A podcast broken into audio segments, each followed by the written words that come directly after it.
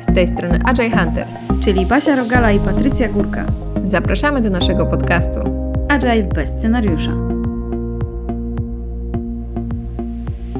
Cześć, witamy Was w pierwszym odcinku Agile bez scenariusza i dzisiaj właśnie przygotowałyśmy dla Was z Basią rozmowę, która będzie całkowicie pozbawiona scenariusza. Zobaczymy jak nam pójdzie ten nasz pierwszy raz. No, albo w sumie tak właściwie drugi, bo pierwszy było intro dla Was. I dzisiaj wspólnie z Basią porozmawiamy sobie o temacie, jakim jest relacja Scrum Mastera i deweloperów. Będziemy sobie dyskutować, wymieniać swoje doświadczenia i to, co gdzieś się dzieje w social mediach i zobaczymy, jakie wnioski nam pod koniec tego wyjdą. Jednym z ostatnich szkoleń, to było tak naprawdę inspiracją do tego tematu, usłyszałyśmy stwierdzenie, czy, czy takie przekazanie jakby informacji, która padła z ust dewelopera, że Scrum Master to w sumie nic nie robi w sumie jest niepotrzebny. I tak sobie pomyślałyśmy, że chyba to wynika z niezrozumienia roli Scrum Mastera i tak pomyślałyśmy sobie, że w sumie te relacje Scrum Mastera i deweloperów odkąd pamiętamy są trochę napięte, bym tak to nazwała. E, często jest jakaś taka linia nieporozumienia, mm, zaczyna się od tego, co ten Scrum Master będzie robił, albo takie podchwytliwe pytania na daily w stylu, a co ty robiłeś, robiłaś e, w ostatnim czasie, oczywiście skierowane do Scrum Mastera. Mm, I tak te relacje między Scrum Masterem i deweloperami chyba właśnie kształtują się we wzajemnym zrozumieniu i zarówno perspektywa Scrum Mastera i dewelopera jest, myślę, istotna, bo z tego punktu widzenia można by było powiedzieć, że um, dwie strony muszą się chcieć dogadać, tak? I dwie strony muszą rozumieć swoją też rolę, nie tylko drugiej strony, ale też swoją. I tak sobie pomyślałam, Patty, że jak my pracowałyśmy w jednej firmie jako Scrum Masterki, to chyba też tego typu sytuacji było sporo. E, nie obeszło się bez, bez jakiegoś tam mm, działania na rzecz zrozumienia, po co tak naprawdę ten Scrum Master jest. Tak, zebrało mi się na takie refleksje i sobie przypomniałam, że my wtedy byliśmy w trakcie tak naprawdę transformacji mm, skramowej, skramowej całej organizacji i to wiązało się właśnie z dużą dawką edukacji pod względem samych pryncypiów Scrama, jak i samego Agile'a też e, jako tak naprawdę podejścia, mindsetów, które będziemy wykorzystywać wspólnie w organizacji. E, I często faktycznie padały takie pytania: co wy teraz będziecie robić, tak? Czym będziecie się zajmować cały dzień? Jak, czy będziecie tylko pić kawę, czy coś konkretnego będziecie robić? No i to wiązało się z tym, że były poorganizowane różnego rodzaju QA na których sobie wspólnie rozmawialiśmy i edukowaliśmy się wzajemnie, tak, żebyśmy my mieli pewność tak naprawdę, co należy do obowiązków e, i odpowiedzialności deweloperów, a co należy do odpowiedzialności Scrum Masterów jako, jako innej roli niż tą, którą wcześniej pełniliśmy w organizacji. I myślę, że to jest bardzo ważne, Basia, co powiedziałaś w kontekście tego, że to nie chodzi tylko o zrozumienie tego, że deweloperzy muszą zrozumieć, co Scrum Master robi i vice versa, ale też o to, żeby każda z tych ról miała świadomość tego, co tak naprawdę należy do ich obowiązków, tak? Bo to też jest bardzo ważny aspekt, e, który jest często też pomijany, tak? Gdzieś e, jest przepychanka, że to nie należy do moich obowiązków, bo gdzieś głośno się nie mówi o tym, co jest um, obowiązkiem czy też powinnością każdej z ról, nie? Więc myślę, że e, takim fajnym aspektem, który mogłybyśmy sobie omówić teraz, jest to, co tak naprawdę Scrum Master, Scrum Masterzy myślą o deweloperach. Jak tak mówiłaś, to przyszło mi do głowy, że kiedyś wykonywałam takie ćwiczenia, zresztą polecam Empathy Map, gdzie przy okazji jakiejś tam konkretnej sytuacji jako Scrum Masterka staram się zrozumieć drugą stronę i przyszło mi do głowy, że to by było ciekawe ćwiczenie w ogóle dla Scrum Masterów, właśnie o tym, co myśli deweloper. Nie? Mm, rozpisanie tego Empathy Map na, na takim właśnie przykładzie byłoby też ciekawym doświadczeniem. Myślę, że w kontekście z jakby chęcią zrozumienia też odpowiedzialności różnych, mogłoby to przynieść jakieś fajne efekty. I wydaje mi się, że w perspektywie mm, też czasowej to zrozumienie roli dewelopera przez Scrum Mastera jest pewną powiedziałabym, obserwacją, tak? No bo Scrum Master, na przykład dajmy na to, nie techniczny, może nie wiedzieć dokładnie, jakie zadania czyhają do dewelopera, albo jakie rzeczy w technologii są istotne. I przez to mm, gdzieś tam taki Scrum Master może zacząć traktować deweloperów pod kątem procesowym, czy na przykład takich umiejętności miękkich, jak takie raczkujące przedszkolaki. Zresztą często porównuje się Scrum Mastera do takiej Scrum Mamy i też to jest oczywiście antypattern, um, ale też mówi się często o takim przedszkolu, że Scrum Master często nie traktuje dewelopera jako dorosłych. I, I właśnie, i o ile Scrum Master pewnie nie jest w stanie się wypowiedzieć o wiedzy, no o ile oczywiście Scrum Master nie ma e, backgroundu technologicznego, ale nie jest w stanie się wypowiedzieć o wiedzy dewelopera, czy jego umiejętnościach takich domenowych, o tyle już kwestie związane z procesami, z jakimś tam zarządzaniem, z umiejętnościami miękkimi, myślę, że to podlega ocenie. I może takie właśnie podejście, że ci deweloperzy to tam nie ogarniają, albo czegoś nie robią, albo nie umieją, to wynika z tego właśnie, że oceniamy ich pod kątem tych obszarów, które w pewnym sensie no, nie są wpisane w ich jakiś tam powiedziałabym, zakres obowiązków tak ad hoc. Na zasadzie to jest potrzebne i to byśmy chcieli, żeby każdy deweloper ogarniał. Natomiast może nie zawsze jest to od samego początku znane i pewnie ta, to niezrozumienie się z tego tytułu bierze, tak sobie myślę teraz. Ja się uśmiecham trochę pod nosem, bo sobie wyobrażam sytuację, w której deweloper mówi: mi nikt nie płaci za to, żebym rozmawiał z kimkolwiek, nie? kiedy przychodzi do rozmów z klientem, kiedy przychodzi do rozmów ze Scrum Masterami i zdarzają się takie przypadki, że właśnie, no mi się zdarzało usłyszeć takie zdanie, że mi nikt nie płaci za rozmawianie. Ja tu jestem tylko po to, żeby kodować. Tak naprawdę te umiejętności miękkie, które gdzieś tu Basia trochę dotknęłaś, są też jednym z ważniejszych aspektów jeżeli chodzi o takie kompetencje dewelopera, bo jak inaczej ten produkt, na którym pracujemy, pracuje deweloper, ma być produktem wartościowym, ma mieć pełen jego input, jeżeli nie będzie się on w pełni angażował. A nie wyobrażam sobie takiego pełnego angażu bez rozmawiania z kimkolwiek, tak? Żeby posłuchać zdania e, product ownera, wymienić, jakby zrozumieć w pełni tą wizję, którą product owner chce nam przedstawić, no to fajnie jest czasem zadać jakieś pytanie czy być może wziąć udział w warsztatach właśnie z użytkownikami, z interesariuszami, nie wiem, wykorzystać jakieś techniki, czy jakiś event storming, tak żeby ten, mm, poznać ten domenę tego produktu i móc zaproponować na przykład jakieś innowacyjne rozwiązanie, które naprawdę może zmienić i zrewolucjonizować produkt, który będzie tym produktem, który jest tak naprawdę oczekiwanym przez użytkowników, tak? Więc tak, te kompetencje miękkie też są bardzo istotne. I bardzo mi się podoba to, co powiedziałaś w kontekście tego, że ciężko jest nam ocenić kompetencje deweloperskie programistów czy deweloperów, ale o, jeżeli chodzi o takie miękkie obszary, to jak najbardziej. Tak, wydaje mi się, że to była fajna, fajna ocena, czy fajna, hmm, fajne wzięcie pod lupę takich kompetencji i danie pewnego rodzaju feedbacku nad y, rzeczami, które dana, nad którymi dana osoba może pracować. Bo tu nie chodzi o to, żeby dawać feedback i oceniać i, nie wiem, dawać ocenę i dostawać dzisiaj trójkę, trójkę z minusem i to znaczy, że, nie wiem, nie przychodzisz do następnej klasy, ale bardziej chodzi o to, żeby wspólnie znaleźć te obszary, w którym dana osoba może się rozwijać, usprawniać, polepszać swoje zdolności. Więc jak najbardziej bardzo, bardzo trafna myśl. Tu łączy się z tym, co powiedziałeś wcześniej, że ta edukacja jest bardzo istotna gdzieś tam na starcie. Natomiast wydaje mi się, że w perspektywie też tego myślenia jeden o drugim, czyli w tym przypadku Scrum Mastera o deweloperze, to ważne jest to, co powiedziałaś. Feedback, a nie ocena. My często mówimy sobie, a ten to nie umie, ten nie ogarnia. No to twoją rolą jako Scrum Mastera jest trochę właśnie chyba w tą stronę podziałać, żeby ta osoba to umiała i potrafiła to wykorzystać, bo to tam, że wiem, że działa, że funkcjonuje, albo że istnieje coś takiego Scrum, to nie od razu znaczy, że jestem y, już obeznany i to rozumiem, no bo to trzeba też umieć wykorzystać. I myślę sobie też, że jedna ważna rzecz, y, której też w sumie chyba powiedziałam wcześniej, to jest kwestia traktowania deweloperów jak dorosłych ludzi, y, bo często przez to właśnie, że oceniamy ich umiejętności miękkie, czy tam jakieś wokół tego na trochę bardziej niższe niż nasze, jako osób, które w tych miękkich tematach powinny się dobrze obracać, no to możemy mieć takie tendencje, myślę tutaj oczywiście o Scrum Masterze czy Scrum Masterce, do przeginania. Do przeginania tego na tą stronę, że zaczynamy ich trochę tak niańczyć. No bo przecież takie rzeczy to oni tam sobie nie poradzą albo coś, albo ja muszę być, bo sobie spotkania nie poprowadzą. Oczywiście, że sobie poprowadzą, tylko trzeba też zapewnić im środowisko do tego.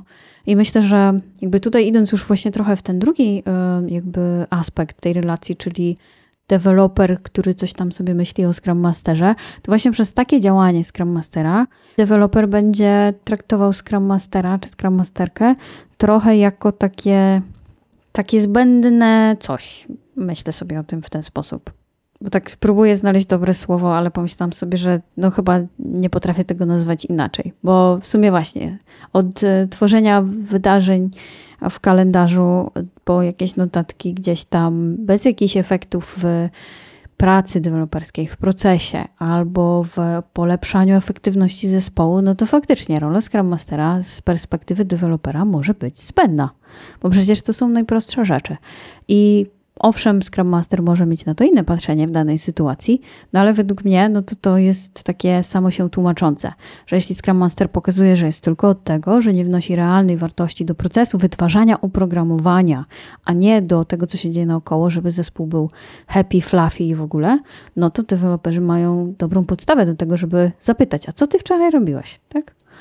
Więc uh, ja to widzę z tej perspektywy też. No to są, myślę, że tutaj dwie różne perspektywy, a może nawet i trzy, bo e, wydaje mi się, że to, co deweloperzy myślą o Scrum Masterach, bardzo mocno jest zależne właśnie od tego, jaką ten Scrum Master e, przyjmuje postawę, jak ten Scrum Master jest zaawansowany w tym, co robi i właśnie jak się tak naprawdę zachowuje, czy jest tą Scrum Mami, taką sekretarką, tutaj kolejny antypattern, czy zupełnie inaczej, czyli wtedy, kiedy przynosi tą wartość naprawdę taką merytoryczną też do zespołu, tak, mówi głośno o tym, że tak naprawdę nie chodzi o, o budowanie kolejne, kolejnej funkcjonalności, ale o dostarczenie wartości w tym produkcie, czyli o ten realny wpływ na to, jak ten produkt tak naprawdę będzie służył um, użytkownikom.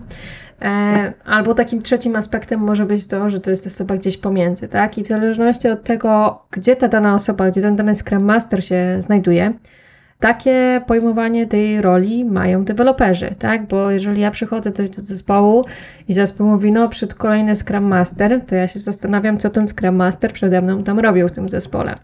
No i niestety buduje mi się taki obraz, że pewnie niewiele, pewnie właśnie to, co Basia powiedziałaś, czyli ustawiał wydarzenia w kalendarzu. Albo na przykład pytał na daily, co dzisiaj będziecie robić? Czy macie jakieś blokery? Tak? No, jeszcze pół biedy, jak spyta na przykład pod koniec spotkania, mm, pod koniec daily, czy zbliżamy się jakoś do celu sprintu, albo co zrobiliśmy jako zespół, żeby ten cel sprintu, cel sprintu osiągnąć, albo co zamierzamy zro zrobić, żeby ten cel sprintu osiągnąć. Ale te pozostałe pytania dwa, które na początku zadałam, czyli co będziesz dzisiaj robił, albo co robiłeś wczoraj, czy masz jakieś blokery, no to to też są takie rzeczy, które powodują, że no, taki Scrum Master jest traktowany jako, no nie wiem, właśnie sekretarka, jako osoba, która próbuje wprowadzić jako jakiś micromanagement, dopytywać każdego i taką jakąś kontrolę mieć nad tym, jak ten produkt się rozwija, tak? A tu nie chodzi o to, żeby Scrum Master był osobą, która kontroluje rozwój produktu, tylko wręcz przeciwnie, żeby uczył tak naprawdę ten zespół takiej samoorganizacji, żeby takie pytania e, były niepotrzebne. Więc e, wydaje mi się, że to niestety jest taki przykry obraz tego, co my sami jako osoby Scrum Masterzy często robimy. Zostawiamy po prostu bałagan po sobie, nie dbamy o ten zespół, nie dbamy o edukację tego, czym jest nasza rola, co my robimy jako Scrum Masterzy i dajemy po prostu zły przykład, tak? Więc chciałabym nigdy nie trafić do takiego zespołu, gdzie jest taki zły obraz, ale no niestety historia pokazuje mi, że e, bardzo często się tak trafiało. W zespołach gdzieś, z którymi współpracowałam, to było miło bardzo usłyszeć później takie słowa, że aha, to teraz rozumiemy, co tak naprawdę ten Scrum Master może robić i czego oczekiwać od jakiejś kolejnej osoby, która przyjdzie na Twoje miejsce. Więc to są takie bardzo miłe słowa, ale też one fajnie uświadamiają, że taki zespół wyedukowany będzie też wymagał od kolejnego Scrum Mastera znacznie więcej niż e, od takiego, który właśnie jest na takim poziomie początkującym. Jasne. No ja myślę sobie, że to jest super ważne, żeby też zespół był świadomy tego, czego może wymagać, bo to nie jest takie oczywiste. W sensie to pytanie, na przykład, co powiedziałyśmy na samym początku, co ten Scrum Master robi albo że jest niepotrzebny, to wynika też z nieświadomości. I pewnie tam był taki Scrum Master trochę właśnie Scrum Mami, jak to powiedziałaś. No z mojej perspektywy to, co wspomniałaś, czyli edukacja, to jest jedno i to na pewno, mm, czy tam pokazywanie nowych dróg, wspomaganie zespołowi zdobywać nowe umiejętności, to jest taka kategoria chyba rzeczy, które można by powiedzieć, że one wspierają te dobre relacje, czy, czy zmiany, czy budowanie. Ale druga rzecz, która, jak sobie tak myślę, według mnie jest dosyć istotna w tym układzie, to jest kwestia um, facylitacji. Bo tak naprawdę facylitacja bardzo dużo um, robi jakby dla zespołu dobrych rzeczy. I właśnie takim facylitatorem najczęściej jest Scrum Master. I no, według mnie jakby od kogo mają się uczyć? Właśnie od Scrum Mastera, to jest jedno, a po drugie facylitacja to nie polega na tym, że wyślę agendę spotkania, bo często też to na tym się kończy, ale też pomaganie dochodzenia do celu, w dochodzeniu do celu. Czyli to, co tak naprawdę Scrum Master mm, powinien robić i co jest celem jego pracy, czyli zwiększanie efektywności zespołu. Ta facylitacja według mnie jest jednym z takich całkiem dużych klocków w tej układance, będzie, który będzie przybliżał zespół do osiągania efektów. Kiedy taka facylitacja, czy edukacja, inne aspekty pracy Scrum Mastera zaczną przynosić efekty w, re, w lepszych wynikach, dowożeniu nie tylko wartości produktu, ale na przykład w szybszym znajdowaniu rozwiązań przez zespół albo kończeniu spotkań z konkretnymi action pointami, czy też zwiększaniem efektywności jakichś praktyk deweloperskich, bo takie rzeczy też Scrum Master będzie gdzieś tam wspierał, promował i tak dalej.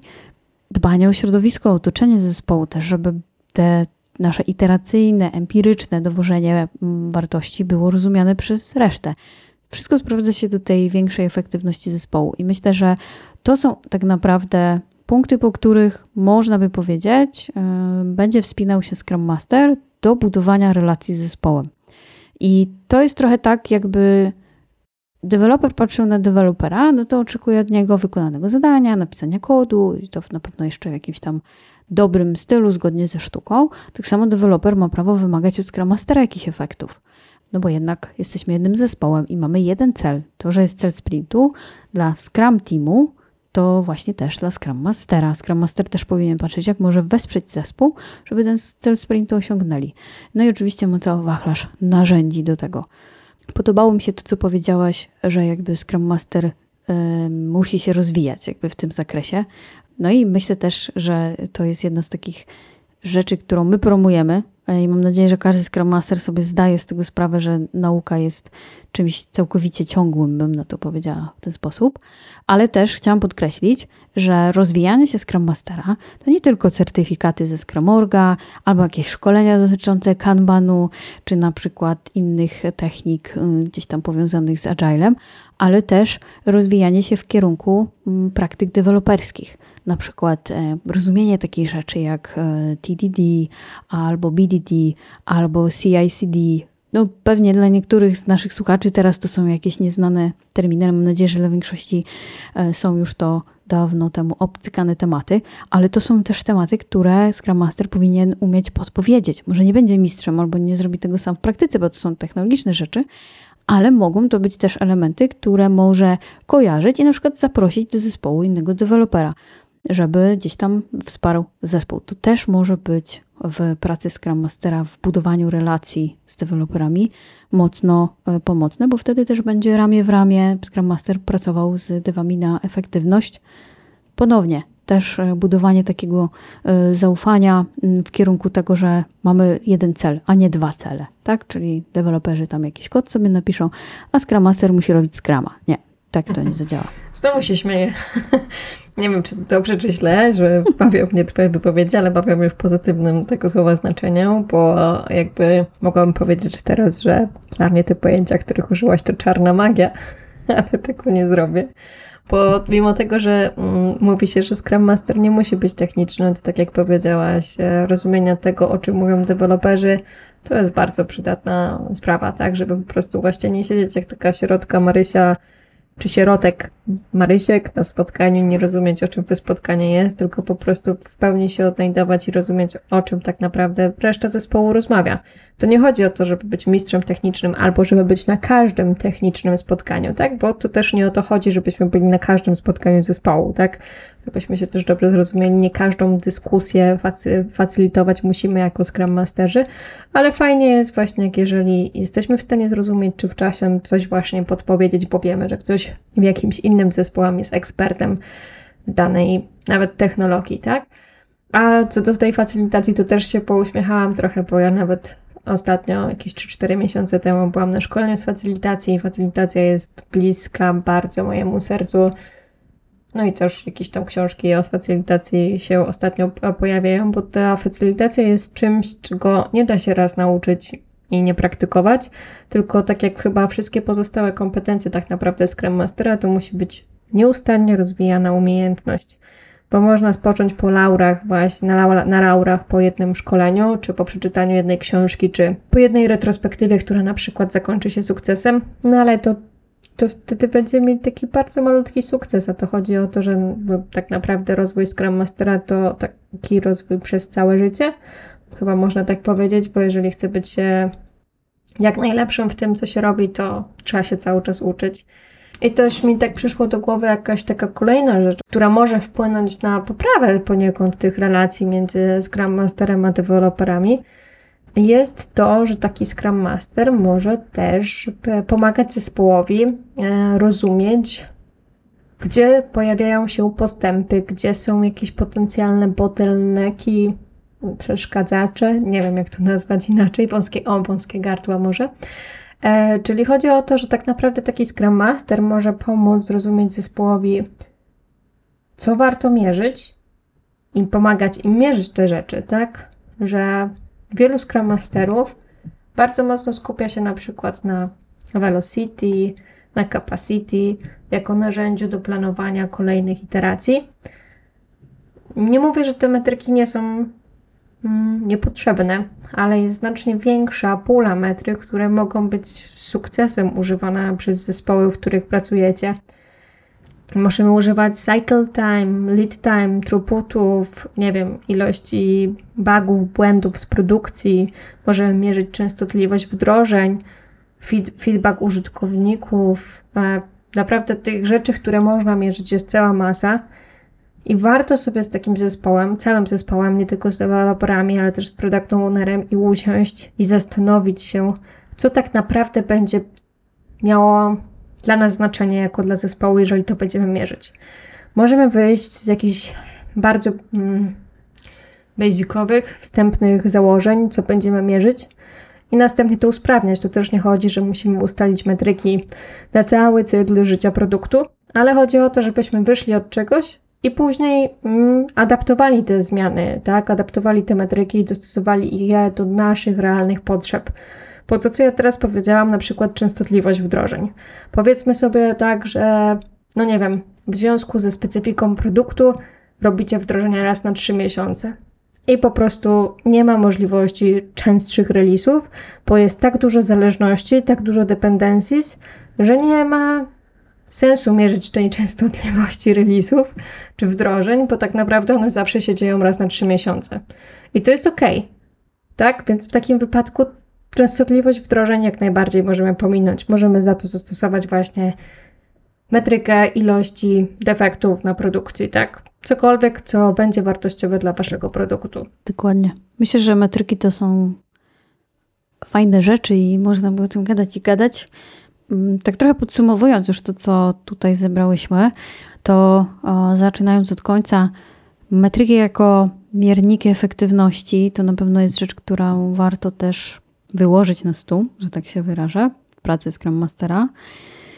Myślę, że ważne też to, co powiedziałyśmy, jest wzajemne zrozumienie Scrum Master deweloperów i deweloperzy Scrum Mastera. Przede wszystkim chęć współpracy, oparta na zaufaniu i tych wartościach e, wokół Scruma, ale też w traktowaniu się jak dorosłych ludzi przede wszystkim i próbie mm, zrozumienia w pewnym sensie swoich odpowiedzialności e, tu i teraz, bo one mogą się zmieniać w zależności od dojrzałości zespołu czy, czy potrzeb w danym momencie. I też nie sprowadzania swoich roli, ról, czy to tylko do kodowania, albo tylko do robienia wydarzeń w kalendarzu. I przede wszystkim własne zrozumienie odpowiedzialności. Myślę, że dla Scrum Masterów e, fajną taką książką, którą warto by było przy okazji tego tematu trochę poczytać, to jest Doskonały Scrum Master. Mm, Tam jest dużo ciekawych rzeczy jakby w tym kontekście. A druga y, strona medalu, czyli deweloperzy, to jest y, książka, która mi bardzo y, przypada do gustu wiele lat temu. Mm, Software Craftsman. Książka o tym, jakich deweloperów potrzebuje tak naprawdę rynek. I dużo o tym jest też mowy.